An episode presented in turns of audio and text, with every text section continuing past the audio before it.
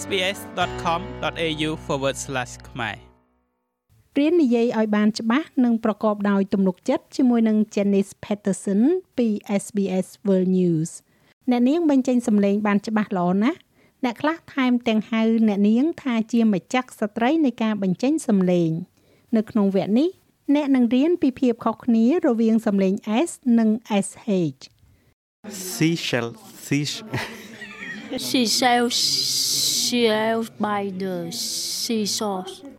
She sells. She. Sh- Hello, I'm Janice Petersen, and you might recognise me from SBS World News. Speaking clearly is an extremely important part of my job. Some people have even said I've become a queen of pronunciation. Pronunciation is about speaking clearly and making the correct sounds so that you can be more easily understood by others. It's not about changing your accent. Your accent is part of you and your culture, and you don't want to lose that. We love accents. This pronunciation mini pod is suitable for learners of all levels. I'm going to share some exercises you can easily do, wherever you are, to improve your pronunciation. Let's start.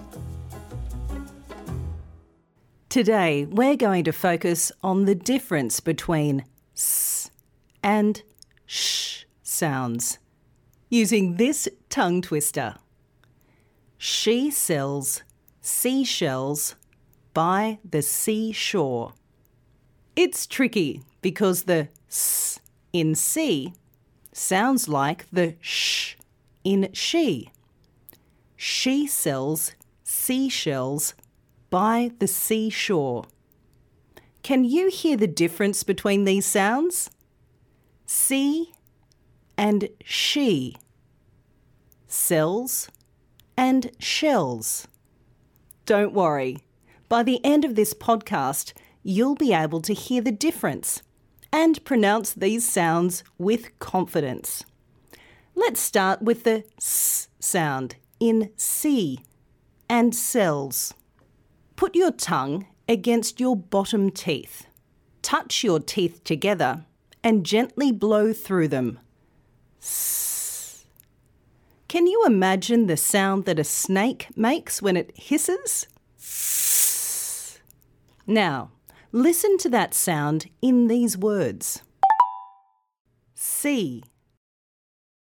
sells. Okay, now listen to how I say the sh sound in she and shells. You can make this sound by rounding your mouth, putting your tongue down, and leaving your mouth slightly open. Shh. You can imagine the sound you use if you want someone to be quiet. Shh. Now, listen to that sound in these words and repeat after me. She. Shells. Here are some more examples. See if you can hear the difference. Sip. Ship.